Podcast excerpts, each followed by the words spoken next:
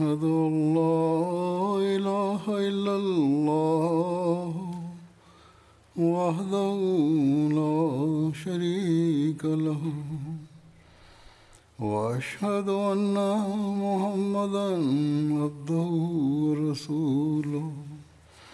أما بعد فأعوذ بالله من الشيطان الرجيم.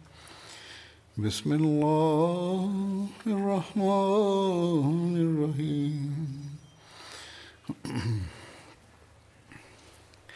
الحمد لله رب العالمين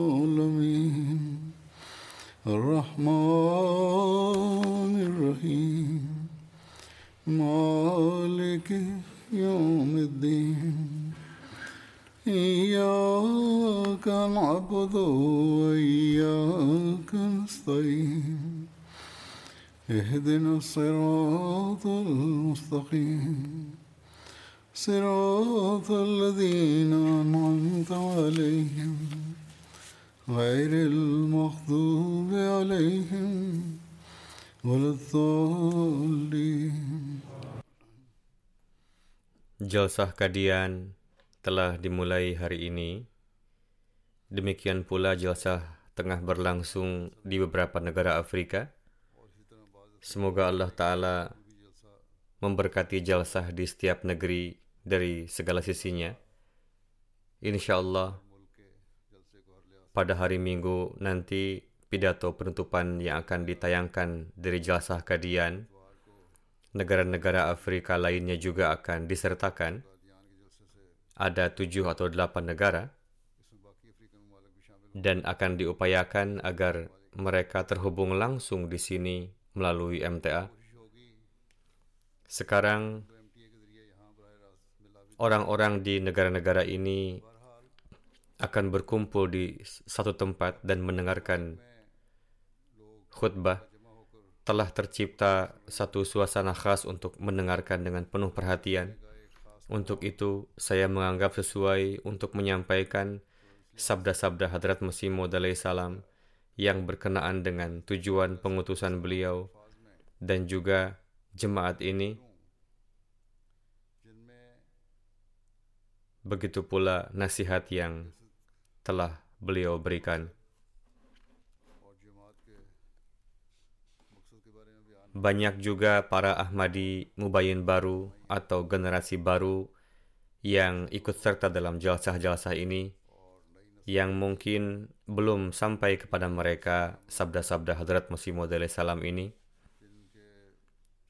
Perlu juga bagi mereka untuk mengetahuinya agar pada hari-hari ini mereka berusaha secara khusus untuk meningkatkan keimanan, keyakinan, keikhlasan, dan kesetiaan dan dengan memohon bantuan Allah Ta'ala, mereka harus meraih wawasan berkenaan dengan tujuan pengutusan beliau alaihissalam dan apa saja tanggung jawab mereka.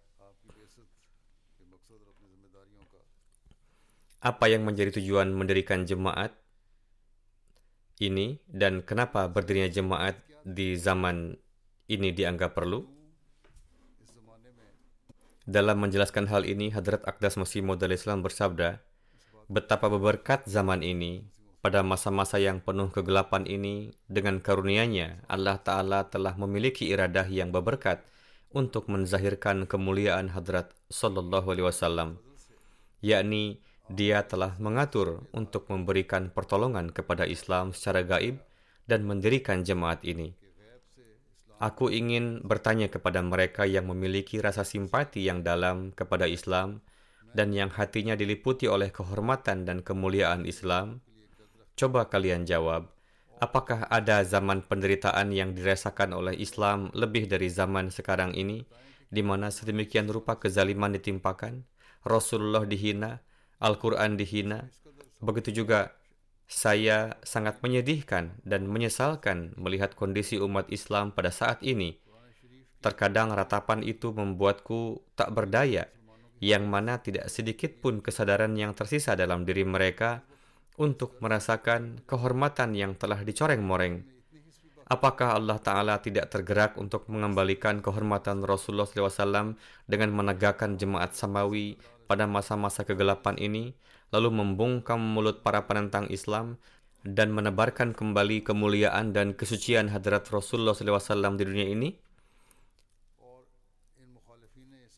Padahal Allah dan para malaikatnya sendiri mengirimkan salawatnya kepada Rasulullah SAW, maka penzahiran salawat tersebut betapa diperlukannya ketika menghadapi penghinaan ini. Dan penzahiran diri itu Allah Ta'ala tampilkan dalam corak jemaat ini. Oleh karena itu, merupakan tanggung jawab kita yang telah beriman kepada Hadrat Masih Maud salam untuk mengirimkan salawat kepada Nabi Shallallahu Alaihi Wasallam sembari memperbaiki keadaan mereka dan perhatian khusus akan salawat harus diberikan pada hari-hari ini.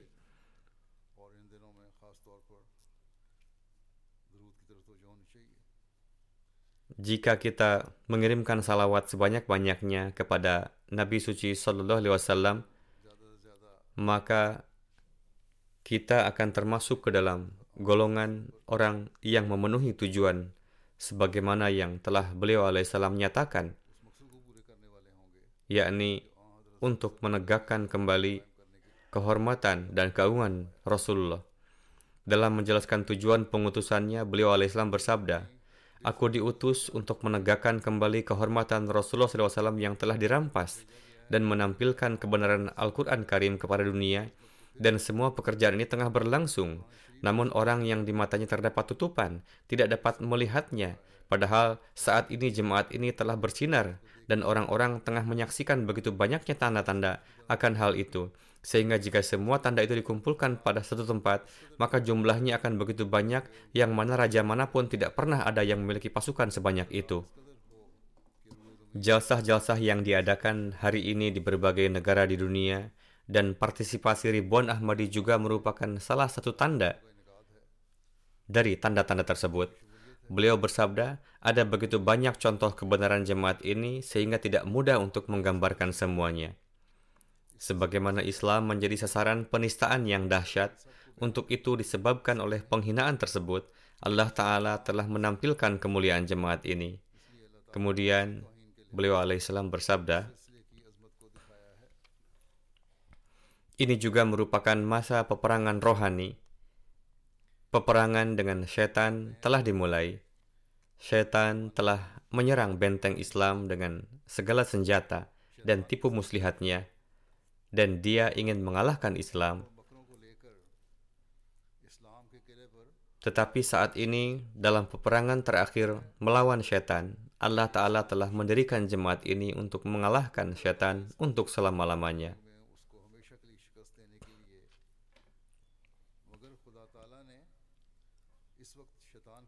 Jadi, hal ini membuat setiap Ahmadi memperhatikan tanggung jawabnya.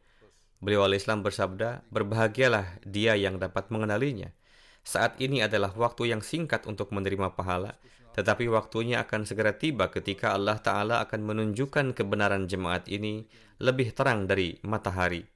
Saat itu adalah ketika iman tidak akan menjadi penyebab pahala dan juga tidak akan menjadi penggenapan tertutupnya pintu taubat, pada saat ini, meskipun pada zahirnya orang-orang yang menerima saya terpaksa harus menghadapi pertempuran yang dahsyat dengan jiwanya sendiri, dia akan melihat bahwa kadang-kadang dia terpaksa harus terputus dari ikatan persaudaraan. Upaya akan dilakukan untuk menghambatnya dalam urusan duniawi. Dia harus mendengarkan cacian, dia akan mendengarkan kutukan, tetapi untuk semua hal ini, dia akan mendapatkan pahala dari Allah Ta'ala. Tetapi ketika waktu yang kedua telah tiba, yaitu ketika saatnya akan tiba dan ketika dunia datang menghampiri dengan penuh antusias, layaknya air yang jatuh dari bukit yang tinggi, yaitu ketika waktu kemajuan akan tiba dan tidak ada yang terlihat menyangkal lagi, apalah artinya pernyataan beriman orang-orang pada masa itu. Pada saat itu, percaya bukanlah tindakan berani, Ganjaran selalunya diberikan di saat-saat yang penuh dengan penderitaan. Beliau bersabda, jika Hadrat Abu Bakar anhu menerima Rasulullah Sallallahu Alaihi Wasallam dan rela meninggalkan kedudukan tinggi di Mekah, maka Allah Ta'ala menggantinya dengan memberinya kerajaan untuk seluruh dunia. Kemudian Hadrat Umar mengenakan selimut. Dikatakan dalam bahasa Farsi, yang artinya, kami telah memasukkan perahu ke dalam air, sekarang apa yang harus terjadi, terjadilah. Mereka telah menjadi penggenapan syair tersebut dan menerima beliau Sallallahu Alaihi Wasallam. Lalu, apakah Allah Ta'ala menyisakan bagian ganjaran untuk mereka? Sama sekali tidak. Barang siapa yang melakukan tindakan sekecil apa pun demi Tuhan, ia tidak akan pernah mati sebelum menerima ganjarannya. Syaratnya adalah adanya suatu gerakan. Telah disebutkan dalam sebuah hadis bahwa jika seseorang datang ke arah Allah Ta'ala dengan kecepatan sedang, Allah Ta'ala akan berlari ke arahnya. Keimanan adalah percaya sekalipun ada sesuatu yang tersembunyi. Orang yang dapat melihat bulan sabit disebut berpandangan tajam. Artinya, orang yang melihat bulan pada hari pertama disebut berpandangan tajam, tetapi orang yang ribut setelah melihat bulan pada hari ke-14 dan berkata, saya telah melihat bulan, maka akan disebut orang gila. Jadi berbahagialah mereka yang menerima Al-Masih yang dijanjikan pada hari ini dan menjadi penerima cinta Allah dengan menghadapi berbagai pertentangan.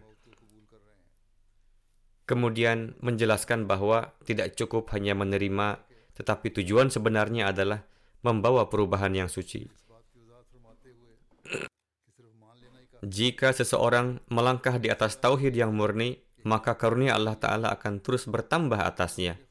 Beliau al-Islam bersabda, Siapa saja yang berupaya mencari jalannya hanya karena takut kepada Allah Ta'ala dan terus berdoa supaya ia diberikan petunjuk untuk dapat meraihnya, siapa saja yang berupaya mencari jalannya hanya karena takut kepada Allah Ta'ala dan terus berdoa supaya ia diberikan petunjuk untuk dapat meraihnya, maka Allah Ta'ala sesuai dengan sunnahnya, yaitu وَالَّذِينَ جَاهَدُوا فِينَا لَنَهْدِيَنَّهُمْ subulana yakni siapa saja yang melakukan upaya keras di dalam kami, maka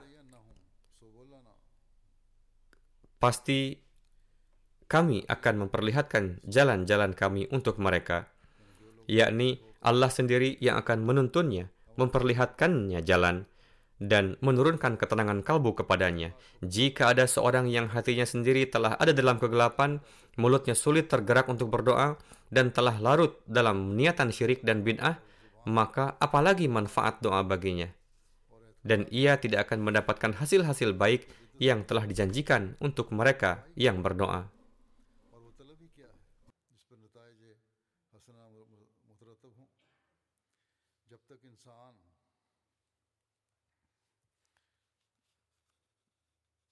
Sebelum seseorang membuka tangannya di hadapan Allah Ta'ala dengan hati yang bersih dan ikhlas, serta menutup semua jalan dan pintu harapan yang salah bagi dirinya, maka dia tidak layak dan tidak akan bisa mendapatkan pertolongan dan dukungan Allah Ta'ala.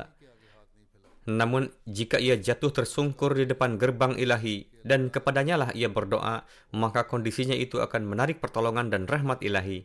Allah Ta'ala melihat ke sudut hati seseorang dari langit, dan jika ada semacam kegelapan atau bagian dari syirik dan itikat buruk di sudut mana pun, maka dia akan membalikan doa dan ibadah orang itu ke wajahnya.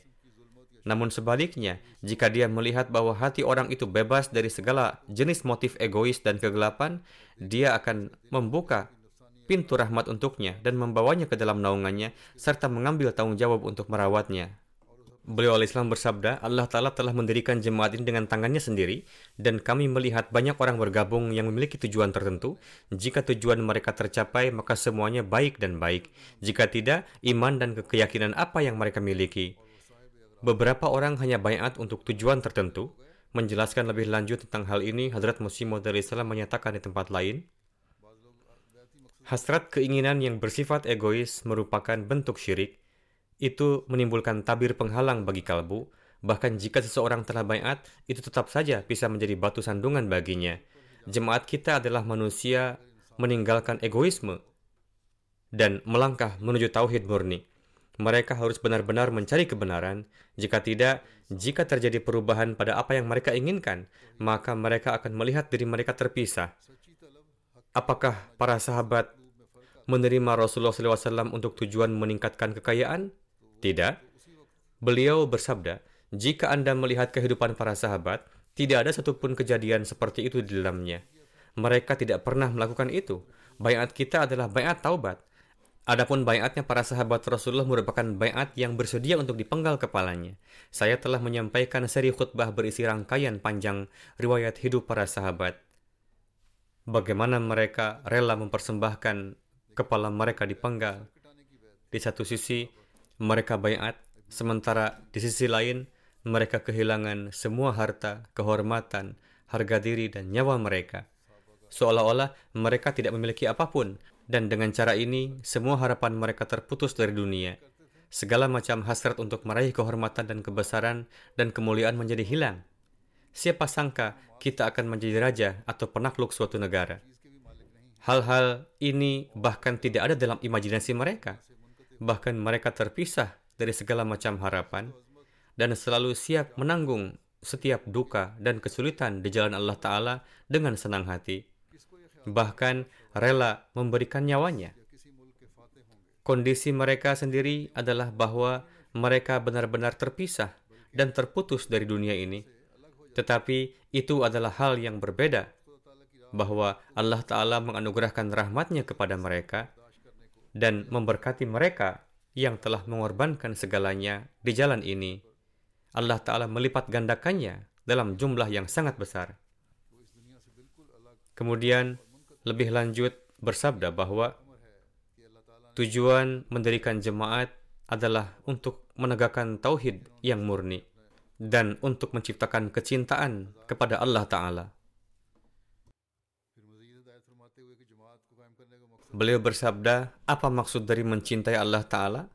yakni agar seseorang mengutamakan keridaan Allah Ta'ala di atas kedua orang tuanya, istrinya, anak-anaknya, dirinya, dan segala sesuatu yang dicintainya. Terdapat di dalam Al-Quran, zikra. Yakni, ingatlah Allah seperti kalian mengingat bapak-bapak kalian, atau lebih keras lagi dari itu. Bahkan ingatlah dengan tingkatan kecintaan yang tertinggi. Sekarang di sini juga perlu direnungkan bahwa Allah Ta'ala tidaklah mengajarkan agar kalian memanggil Tuhan dengan sebutan Bapa, tetapi dia mengajarkannya agar kalian tidak tertipu seperti orang Nasrani dan tidak menyebut Tuhan sebagai Bapa. Dan jika seseorang mengatakan kalau begitu kecintaan kepada Tuhan levelnya lebih kurang dari ayah, difirmankan asyadda zikro untuk membantah keberatan itu. Jika Allah asyadda zikro tidak ada di sana, mungkin saja bisa dilontarkan keberatan. Tetapi sekarang dia tidak memberikan peluang untuk itu. Jadi, inilah kecintaan kepada Allah Ta'ala yang harus ada dalam diri seorang mukmin, yakni kecintaan kepada Allah harus lebih unggul dari segala hubungan duniawi. Kita harus mengevaluasi diri, Apakah kita tengah menciptakan kecintaan ini di dalam diri kita? Atau apakah ada hasrat keinginan di dalam diri kita untuk meraih itu? Hadrat Musi Maud salam lebih lanjut menjelaskan kecintaan ini dan bagaimana standarnya. Beliau alaihissalam bersabda, untuk menegakkan tauhid hakiki adalah perlu untuk meraih bagian sempurna dari kecintaan Allah Ta'ala. Dan kecintaan ini tidak akan pernah terbukti sebelum ada keutuhan dalam amalannya. Hanya dengan lisan saja belum dapat dibuktikan.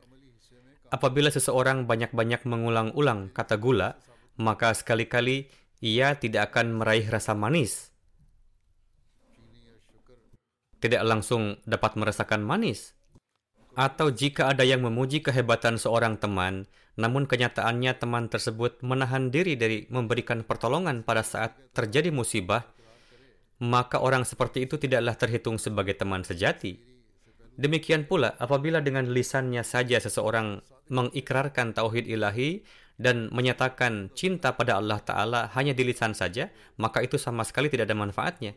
Bagian ini menuntut banyak pengamalan daripada pernyataan dengan lisan.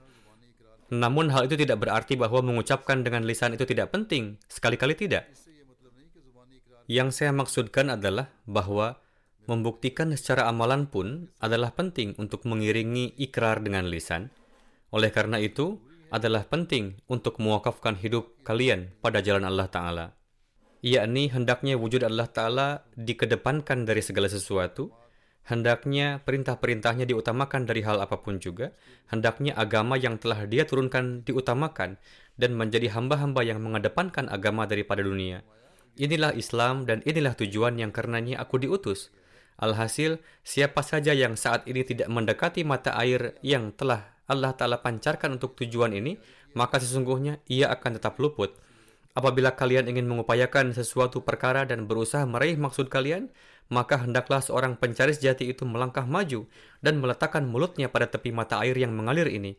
Hal ini tidak akan terpenuhi selama seseorang tidak melepas pakaian ghariyat, wujud-wujud sembahan lainnya di hadapan Allah Ta'ala. Dan ia tidak tunduk pada singgasana rububiyah dan selama ia tidak berjanji bahwa ia tidak akan meninggalkan Allah Ta'ala sekalipun kehormatan duniawinya hilang dan sekalipun menghadapi gunung musibah, apa pun yang terjadi jangan meninggalkan Allah Ta'ala. Bahkan ia akan bersedia mempersembahkan segala pengorbanan di jalan Allah Ta'ala. Inilah keikhlasan agung yang dimiliki oleh Hadrat Ibrahim alaihissalam yang telah bersedia untuk mengorbankan putranya.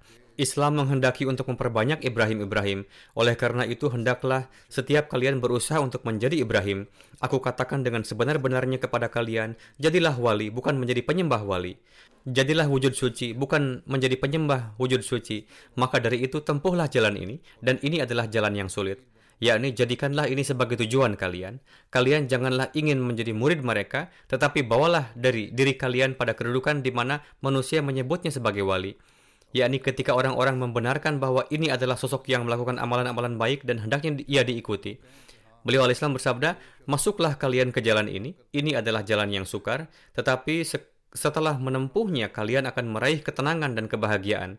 Namun penting agar ia melewati pintu ini dalam keadaan ringan. Jika dirinya membawa beban yang sangat berat, maka sulitlah baginya. Yakni jika ia membawa beban keinginan-keinginan dan kecenderungan duniawi pada dirinya, dan dunia unggul padanya dibanding agamanya, maka sangatlah sulit baginya untuk menempuh jalan ini. Jika ia ingin melewatinya, maka hendaknya ia membuang beban itu, yakni hubungan-hubungan duniawi, dan mengutamakan dunia atas agama. Jemaat kita adalah pertujuan untuk membuat Tuhan senang, maka dari itu hendaknya ia membuang semua itu. Kalian sesungguhnya ingatlah bahwa jika tidak ada kesetiaan dan keikhlasan dalam kalian, maka kalian akan menjadi para pendusta dan kalian tidak dapat menjadi orang yang bertakwa di hadapan Allah Ta'ala. Dan dalam corak ini, ia akan lebih dahulu binasa dari musuhnya, yakni mereka yang meninggalkan kesetiaan dan memilih jalan pembangkangan. Sesungguhnya Allah Ta'ala tidak dapat terpedaya dan tidak akan ada yang dapat memperdayanya. Oleh karena itu, yang terpenting adalah ciptakanlah ketulusan dan keikhlasan yang hakiki. Kemudian seiring dengan menegakkan tauhid, kecintaan kepada Allah Ta'ala adalah penting juga untuk menjalin ter kecintaan dengan wujud kekasih Allah Ta'ala yang dengan perantaraannya Allah Ta'ala telah memperlihatkan jalan menuju ketauhidannya. Maka dari itu, beliau alaihissalam berkenaan dengan pentingnya menjalin hubungan dengan Rasulullah SAW dan menegakkan kemuliaan dan kehormatannya. Di satu tempat, beliau bersabda, Allah Ta'ala telah menegakkan jemaat ini dengan tujuan untuk menegakkan kembali kenabian dan kehormatan Rasulullah SAW. Beliau seraya memberi misal orang-orang yang larut dalam menyembah orang-orang suci mereka, menyembah kuburan dan mendakwakan bahwa dirinya fana dalam kecintaan kepada Rasulullah SAW dan mereka mengatakan bahwa orang-orang Ahmadi adalah kafir, nauzubillah, dan mengumumkan bahwa para Ahmadi telah menghina baginda Rasulullah SAW, nauzubillah, maka tentang hal ini beliau bersabda, Seseorang yang dikatakan sebagai pecinta sesuatu, namun masih ada ribuan kecintaan seperti itu padanya, maka tidak tersisa lagi adanya ke kekhasan dalam kecintaan yang ia miliki itu. Yakni, jika ada seorang yang dikatakan sebagai pecinta sesuatu, tetapi di sisi lain ia pun memiliki banyak kekasih lain, maka kini apakah ada lagi yang tersisa dalam yang apa ia cintai itu? Maka dari itu, jika memang mereka fana dalam kecintaan kepada baginda Rasulullah, yakni mereka yang mendakwakan bahwa mereka mencintai Rasulullah, jika mereka fana kepada kecintaan kepada Rasulullah sebagaimana yang mereka dakwakan, maka mengapa mereka menyembah ribuan petilasan dan kuburan? Banyak sekali tempat peninggalan dan kuburan sufi yang mereka kunjungi, Mereka sembah dan memanjatkan doa kepadanya, bahkan bersujud di hadapannya. Beliau Islam bersabda, mereka bukannya pergi ke Madinah, tetapi mereka datang ke Ajmer atau tempat sufi yang lain dengan tanpa alas kaki dan tutup kepala. Mereka menganggap bahwa mereka melewati jendela pakpatan adalah cukup baginya untuk meraih keselamatan. Ada yang dengan memasang bendera mereka di sana dan ada yang dengan cara lain. Dengan sekedar melihat perayaan dan pesta pora mereka, hati seorang muslim yang hakiki akan bergetar menyaksikan apa yang mereka perbuat. Hal-hal ini tampak umum di anak benua, baik Hindustan dan Pakistan. Seandainya Allah Ta'ala tidak memiliki gairah terhadap Islam dan di kalamnya tidak tertera bahwa inna intallahil Islam dan jika dia tidak berfirman inna nahnu nazzalna wa inna lahu lahafizun maka tidak diragukan lagi bahwa Islam saat ini pasti mengalami kepunahan. Namun ghirah Allah taala menampakkan gejalahnya gejolaknya kasih sayang serta janji penjagaan darinya memastikan agar sosok buruz yakni bayangan dari baginda Rasulullah SAW turun supaya dia menghidupkan kembali kenabian beliau di masa ini dalam corak yang baru. Maka dari itu dia telah menegakkan silsilah ini dan dia telah mengirimku sebagai Mahdi dan utusannya. Hadrat Masih Maud salam bersabda, dia telah mengirimku sebagai Mahdi dan utusannya. Alhasil, ini menjadi kewajiban kita dan kita akan dapat memenuhi hak bayat tatkala kita telah dapat memperlihatkan suatu perbedaan yang jelas antara kita dengan yang lain dan telah menegakkan contoh yang kecintaan yang luar biasa kepada Allah dan Rasulullah hendaknya kita berupaya untuk membasahi lidah kita dengan tasbih, tasmir, tahmid dan salawat. Kemudian seraya menekankan kepada mengikuti contoh sahabat dan menegakkan keikhlasan dan kesetiaan seperti mereka beliau Islam bersabda, ketika Allah telah menegakkan silsilah ini dan dia telah menzahirkan ratusan tanda untuk mendukungnya, sesungguhnya tujuan dia adalah supaya jemaat ini menjadi jemaat para sahabat dan supaya tiba masa khairul kurun 100 tahun yang terbaik siapa saja yang masuk ke dalam jemaat ini dan karena mereka masuk ke dalam jemaat wa akharina minhum maka dari itu hendaknya mereka menanggalkan pakaian usaha-usaha palsu mereka. Siapa saja yang masuk ke dalam jemaat ini dan karena mereka masuk ke dalam jemaat wa akharina minhum maka dari itu hendaknya mereka menanggalkan pakaian usaha-usaha palsu mereka. Untuk menjadi Ahmadi hendaknya usaha-usaha palsu agar dihentikan dan arahkanlah segenap pemikiran menuju Allah Ta'ala zaman kebengkokan tentang ini sesungguhnya telah berlalu tiga zaman dalam Islam. Pertama adalah zaman kurun salasah, yakni tiga abad.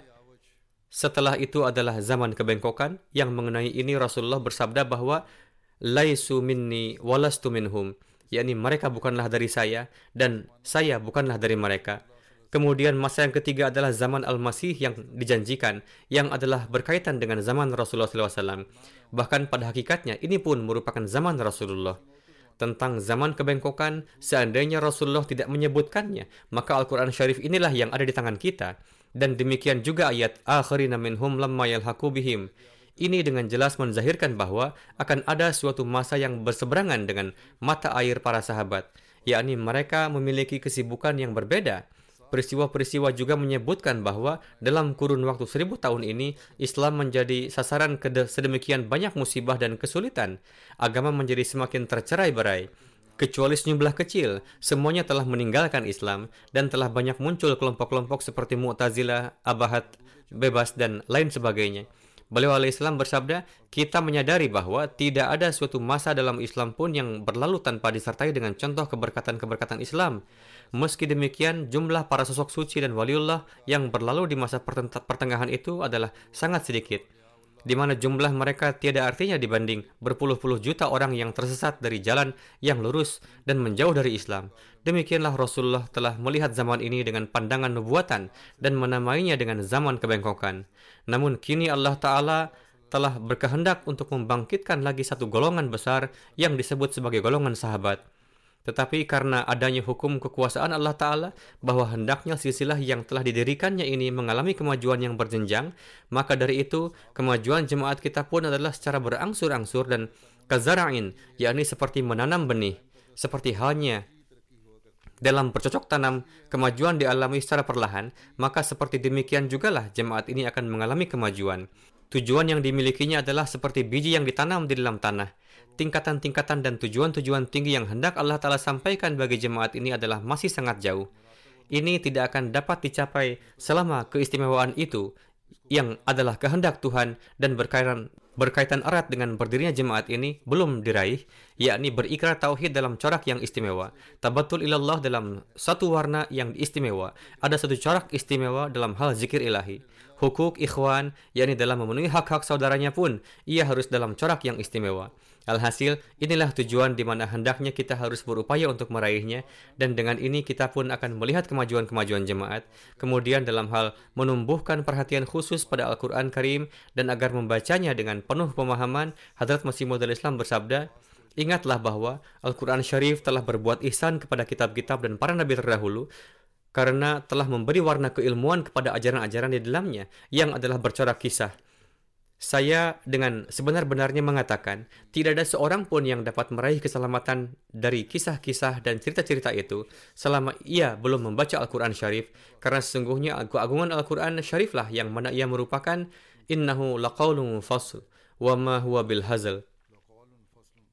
Yakni, sesungguhnya ini merupakan kalam yang memberikan putusan dan sama sekali bukan kata-kata yang sia-sia.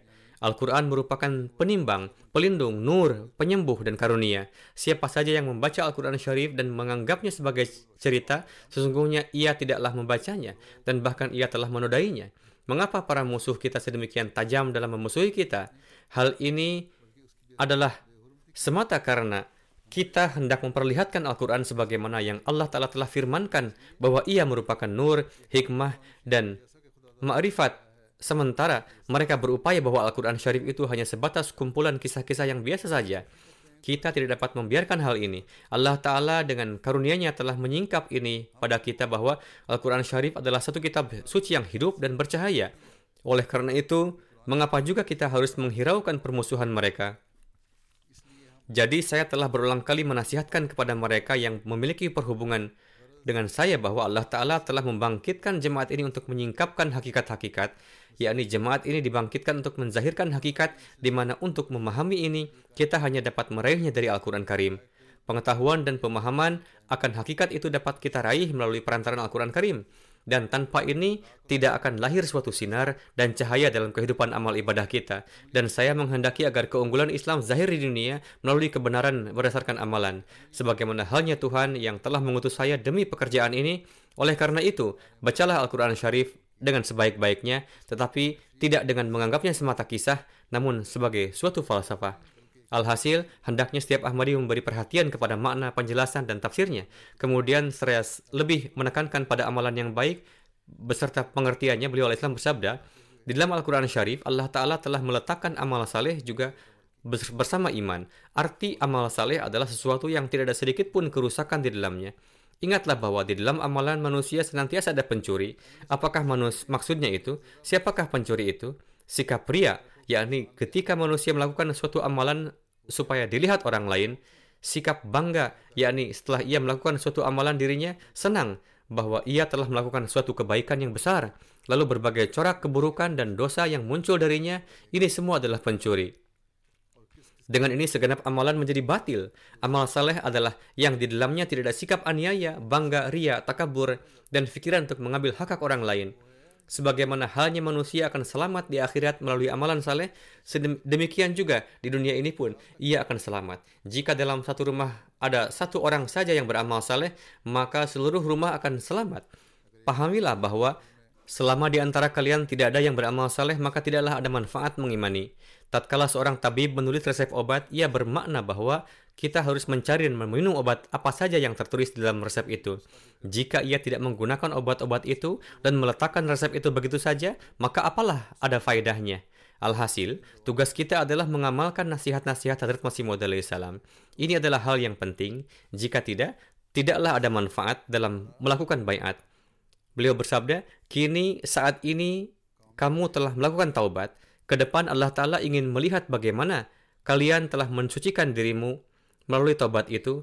Sekarang adalah masa di mana Allah Ta'ala ingin memisahkan dengan perantaraan takwa. Banyak orang yang menaruh ragu atas wujud Tuhan dan tidak melihat dirinya sendiri. Manusia sungguh menganiaya dirinya sendiri. Sementara Allah Ta'ala maha pengasih dan mulia.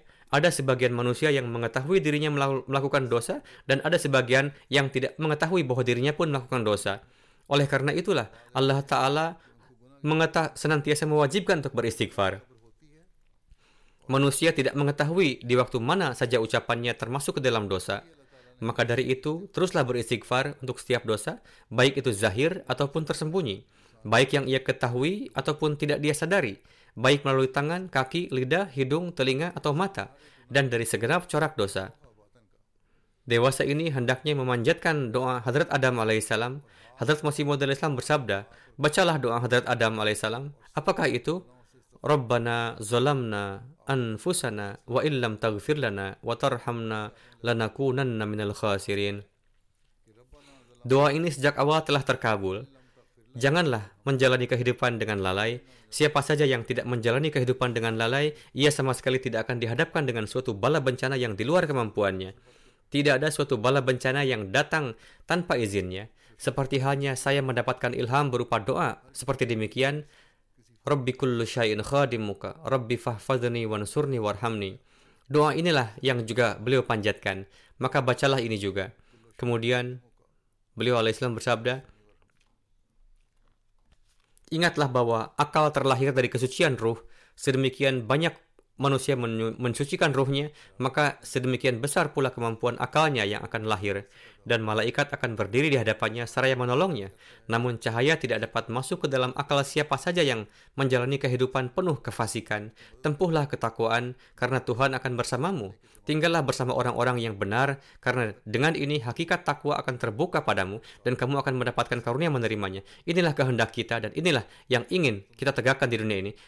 Hendaknya jemaat kita senantiasa mengingat nasihat ini dan mengedepankan hal yang saya jelaskan ini, saya tatkala timbul suatu pemikiran, terfikir bahwa di dunia dilakukan perjodohan-perjodohan, sebagian dengan mempertimbangkan dari sisi kecantikan, sebagian dari sisi status keluarga atau kekayaan, dan sebagian dari sisi kekuasaan, akan tetapi Allah Ta'ala tidak memperdulikan semua hal tersebut.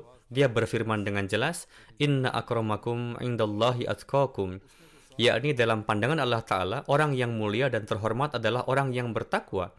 Sekarang, jemaat yang terdiri atas orang-orang yang bertakwa, Allah Ta'ala akan menjaganya dan akan membinasakan yang lainnya. Ini adalah kedudukan yang halus dan tempat ini tidak bisa diduduki oleh dua orang, yakni orang yang bertakwa juga berada di sana dan seorang yang jahat dan kotor juga berada di sana. Sudah pasti orang yang bertakwa akan berdiri tegak dan orang yang buruk akan dibinasakan. Dan ini dikarenakan Allah Ta'ala mengetahui siapa yang mutaki dalam pandangannya. Jadi ini adalah kedudukan yang sangat ditakuti. Berbahagialah seseorang yang mutaki dan malanglah ia yang berada di bawah kutukan. Alhasil, kita hendaknya setiap saat berusaha untuk bertaubat, beristighfar dan masuk ke dalam perlindungan Allah Ta'ala dan selamat dari syaitan. Beliau alaihissalam bersabda, setelah masuk ke dalam jemaat ini, wujud kalian hendaknya menjadi berbeda dan kalian hendaknya menjadi insan yang benar-benar menjalani suatu kehidupan yang baru. Janganlah menetap pada kondisi diri kalian yang dulu. Janganlah beranggapan bahwa dengan melakukan perubahan di jalan Allah Ta'ala kalian akan menjadi miskin atau kalian akan menjadi banyak musuh. Tidak. Orang yang berpegang teguh kepada Allah Ta'ala sama sekali tidak akan miskin. Hari buruk tidak akan dapat datang kepadanya. Seseorang yang Tuhan menjadi teman dan penolongnya, jika seluruh dunia memusuhinya, maka ia tidak akan peduli. Jika seorang mukmin mengalami kesulitan, maka ia sama sekali tidak berada dalam penderitaan, melainkan hari tersebut merupakan hari-hari surga baginya. Para malaikat Tuhan akan memeluknya layaknya seorang ibu. Singkatnya, Tuhan sendiri menjadi pelindung dan penolong mereka. Tuhan ini adalah Tuhan yang maha kuasa atas segala sesuatu. Dia maha mengetahui yang gaib, dia yang maha hidup dan maha berdiri sendiri. Adakah yang bisa mendapatkan kesulitan dengan berpegang teguh pada Tuhan semacam ini? Tidak akan pernah. Allah Ta'ala menyelamatkan hambanya yang sejati di masa-masa yang seperti itu. Sehingga dunia menjadi heran. Apakah tidak mengherankan bagi dunia bahwa Hadrat Ibrahim keluar hidup-hidup setelah masuk ke dalam api? Apakah selamatnya Hadrat Nuh alaihissalam dan para sahabat beliau dalam sebuah topan yang berbahaya merupakan hal yang kecil? Ada banyak peristiwa semacam ini, dan di zaman ini Allah Ta'ala telah menunjukkan tanda kekuasaannya. Lihatlah, kasus pembunuhan telah diajukan terhadap saya. Seorang dokter yang sangat keras dan berprofesi sebagai pendeta menjadi penggugat dalam kasus ini dan orang-orang Arya setelah beberapa orang muslim membantunya. Namun pada akhirnya yang terjadi adalah apa yang sudah ditetapkan Tuhan, yakni pembebasan. Yakni saya ditetapkan telah tidak bersalah dan Allah Ta'ala membebaskan beliau dengan terhormat. Semoga Allah Ta'ala memberikan taufik kepada kita untuk menjalani kehidupan kita sesuai dengan nasihat-nasihat dan harapan-harapan Hazrat Masih Maud salam dan kita benar-benar menjadi orang-orang yang menciptakan suatu perubahan suci dalam kehidupan kita. Selama hari-hari jalsah ini, baik di Kadian, di Kadian maupun di setiap negara tempat diselenggarakannya jalsah, setiap peserta harus melewatkan waktunya dalam doa-doa khusus. Berdoalah semoga Allah Ta'ala memberikan taufik kepada kita untuk dapat menunaikan hak bayat kita. Demikian juga setiap Ahmadi di seluruh dunia hendaknya merenungkan apakah diri kita telah menjadi seperti yang diinginkan Hadrat Musi Maud salam atau seperti apa yang beliau harapkan dari jemaat beliau. Jika belum, maka kita hendaknya senantiasa berusaha dan berdoa untuk itu. Semoga Allah telah memberikan taufik kepada kita semua untuk dapat melaksanakan hal tersebut. Sekarang saya ingin menyampaikan riwayat beberapa almarhum. Ada beberapa jenazah, ada satu jenazah yang hadir. Apakah jenazah sudah tiba atau belum? Jenazah yang hadir tersebut adalah Fazal Ahmad Dogar Sahib yang merupakan karyawan Jamiah Ahmadiyah UK. Beliau adalah putra dari Chaudhry Data Dogar Sahib. Beliau wafat pada 21 Desember di usia 75 tahun. Inna lillahi wa inna ilaihi. Almarhum adalah seorang musi. Di antara yang tinggalkan adalah istri beliau Azmi Fazal Sahibah beserta empat putra dan tiga putri. Beliau datang ke UK pada tahun 92 setelah itu beliau bekerja. Kemudian pada tahun 99 beliau melakukan wakaf zindagi dan menyampaikannya kepada Hadrat Khalifatul Masih Ar-Rabi rahimahullah. Hadrat Khalifatul Masih Ar-Rabi dengan penuh kasih sayang mengabulkan wakaf beliau dan beliau mendapatkan taufik untuk melakukan pengkhidmatan pribadi untuk masa yang cukup lama. Setelah itu, saya menugaskan beliau di Jamiah UK Beliau melakukan berbagai macam tugas. Kemudian beliau diangkat menjadi penanggung jawab perpustakaan dan terus berkhidmat dalam posisi ini hingga wafat. Beliau sangat berperan penting dalam penyiapan perpustakaan Jamiah Ahmadiyah UK. Beliau men-scan semua edisi Review of Religion yang diterbitkan pada masa Hadrat Masih Maud salam, membuat salinannya dan menyimpannya di sana. Beliau juga men-scan edisi asli Ruhani Khazain. Beliau membuat salinannya juga. Putra beliau menuturkan bahwa keinginan besar beliau adalah supaya anak keturunannya senantiasa terhubung dengan khilafat Ahmadiyah dan menjadi orang-orang yang taat. Beliau mengatakan bahwa seseorang tidak akan pernah bisa pensiun dari pengkhidmatan kepada jemaat. Wakaf adalah istilah dari melakukan pengkhidmatan hingga nafas terakhir. Dan beliau memohon doa kepada saya, doakanlah semoga saya bisa terus berkhidmat hingga akhir hayat dan Allah Ta'ala telah memenuhi keinginan beliau tersebut dan beliau masih melakukan pengkhidmatan hingga dua hari sebelum masuk rumah sakit. Beliau datang ke perpustakaan dan melaksanakan tugas-tugas. Hafiz Masyud Sahib, dosen jamiah, menulis, jika dikatakan mengenai kepribadian Fazal Dogar Sahib bahwa beliau adalah seorang pecinta khilafat yang sejati, seorang yang setia dan berjiwa pengorbanan, maka ini bukanlah suatu hal yang dilebih-lebihkan. Kemudian Masyud Sahib menuturkan, Fazal Dogar Sahib adalah sosok wakaf zindagi sejati yang setiap saat kita lihat mempercantik dan memperindah perpustakaan Jamiah Ahmadiyah seperti layaknya anak-anaknya sendiri. Beliau biasa membawa manuskrip-manuskrip tua dan menscannya dan mempercantik perpustakaan dengan memberikannya jilid yang menarik. Tidak diragukan lagi bahwa berkat usahanya yang tak kenal lelah, saat ini di perpustakaan Jamiah Ahmadiyah terdapat lebih dari 25.000 buku sementara sumber daya yang ada sangat terbatas.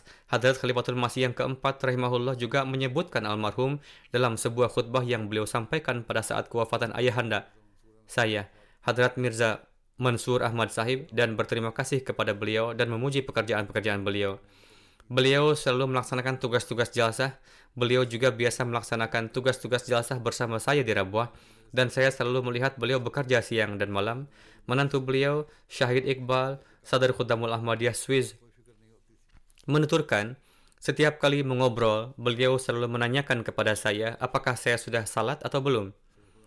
Beliau biasa mengingatkan mengenai salat dan memberikan perhatian khusus pada hal tersebut. Semoga Allah Ta'ala menganugerahkan ampunan dan kasih sayangnya kepada beliau dan menjaga anak keturunan beliau untuk senantiasa terhubung dengan jemaat dan khilafat.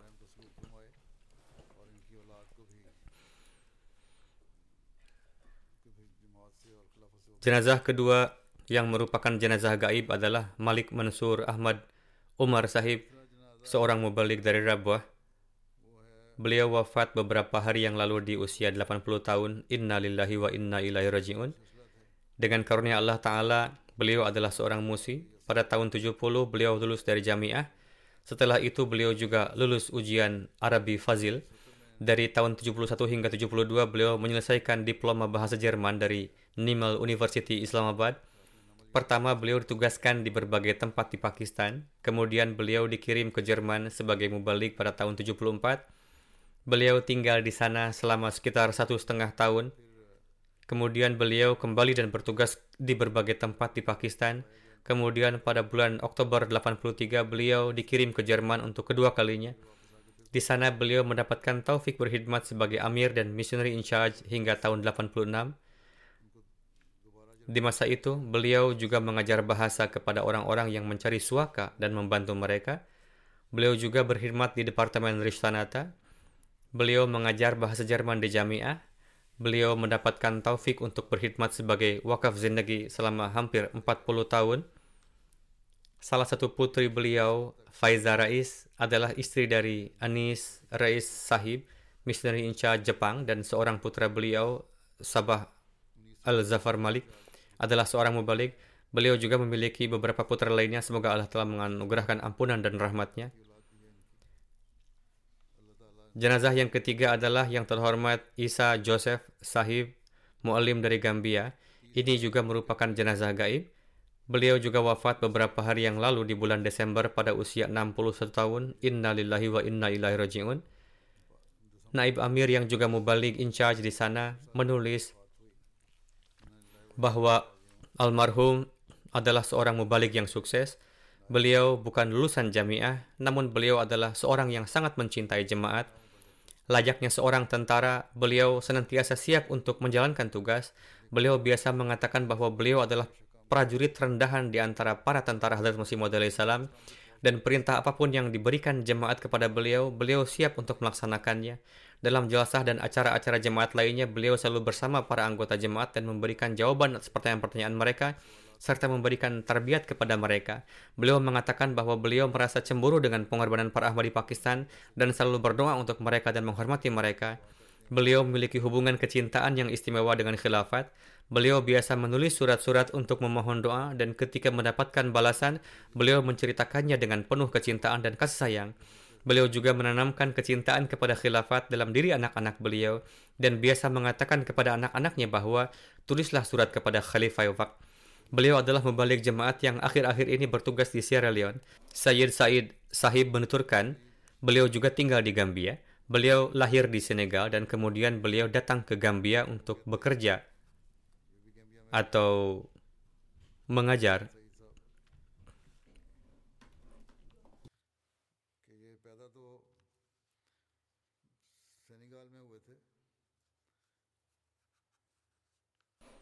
Beliau bekerja sebagai guru bahasa Prancis di Sekolah Menengah Nasir Ahmadiyah.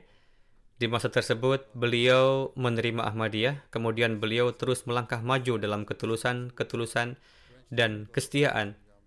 Pada tahun 97, atas instruksi dari Hadrat Khalifatul Masih Ar-Rabi rahimahullah, semua staf pusat meninggalkan Gambia dan beliau diangkat menjadi kepala sekolah menengah Nasir Ahmadiyah. Beliau melakukan pengkhidmatan yang luar biasa pada posisi tersebut setelah itu beliau ditugaskan sebagai pembalik daerah dan menetap di sana hingga kewafatannya.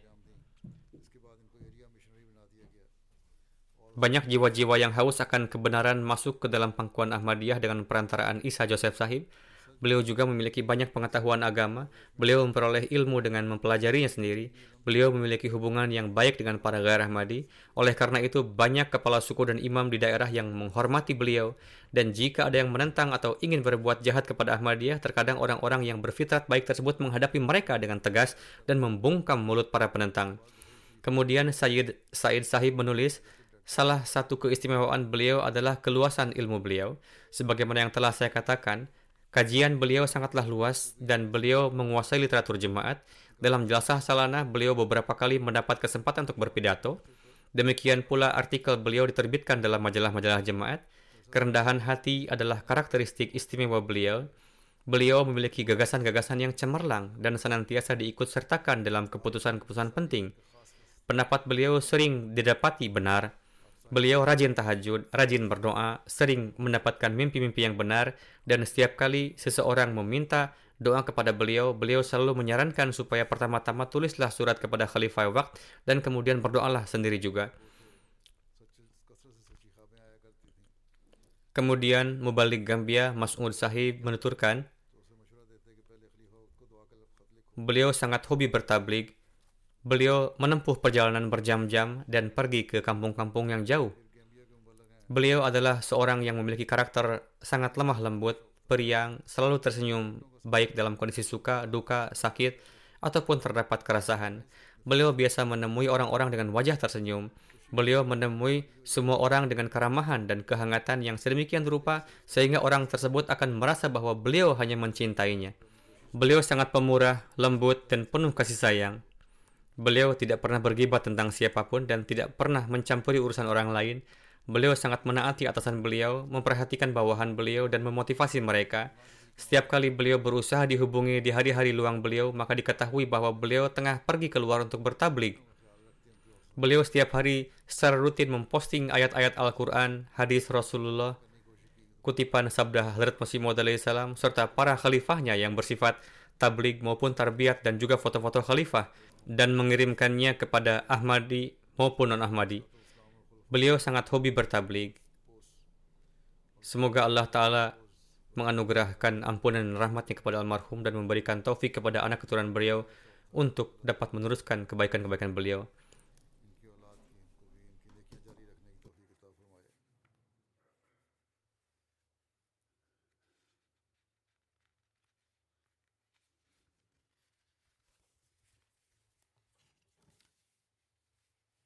Sebagaimana telah saya sampaikan, salat jenazah untuk mereka akan dilaksanakan sekarang setelah salat Jumat ini, insya Allah.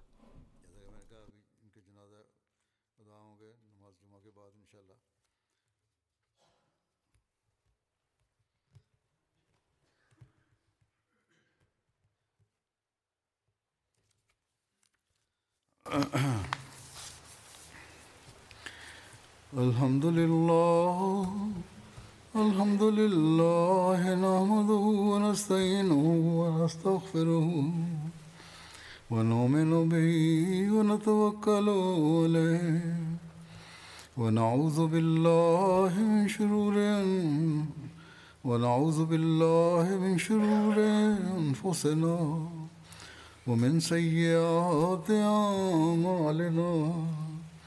من يهده الله فلا مضل له ومن يضلل فلا هادي له. ونشهد أن لا إله إلا الله. ونشهد أن محمدا عبده ورسوله. عباد الله رحمكم الله. إن الله يأمر بالعدل واللسان وإيتاء ذي القربى وينهى عن الفحشاء والمنكر والبغي يعظكم لعلكم تذكرون. اذكروا الله يذكركم وادعوه يستجب لكم ولذكر الله أكبر.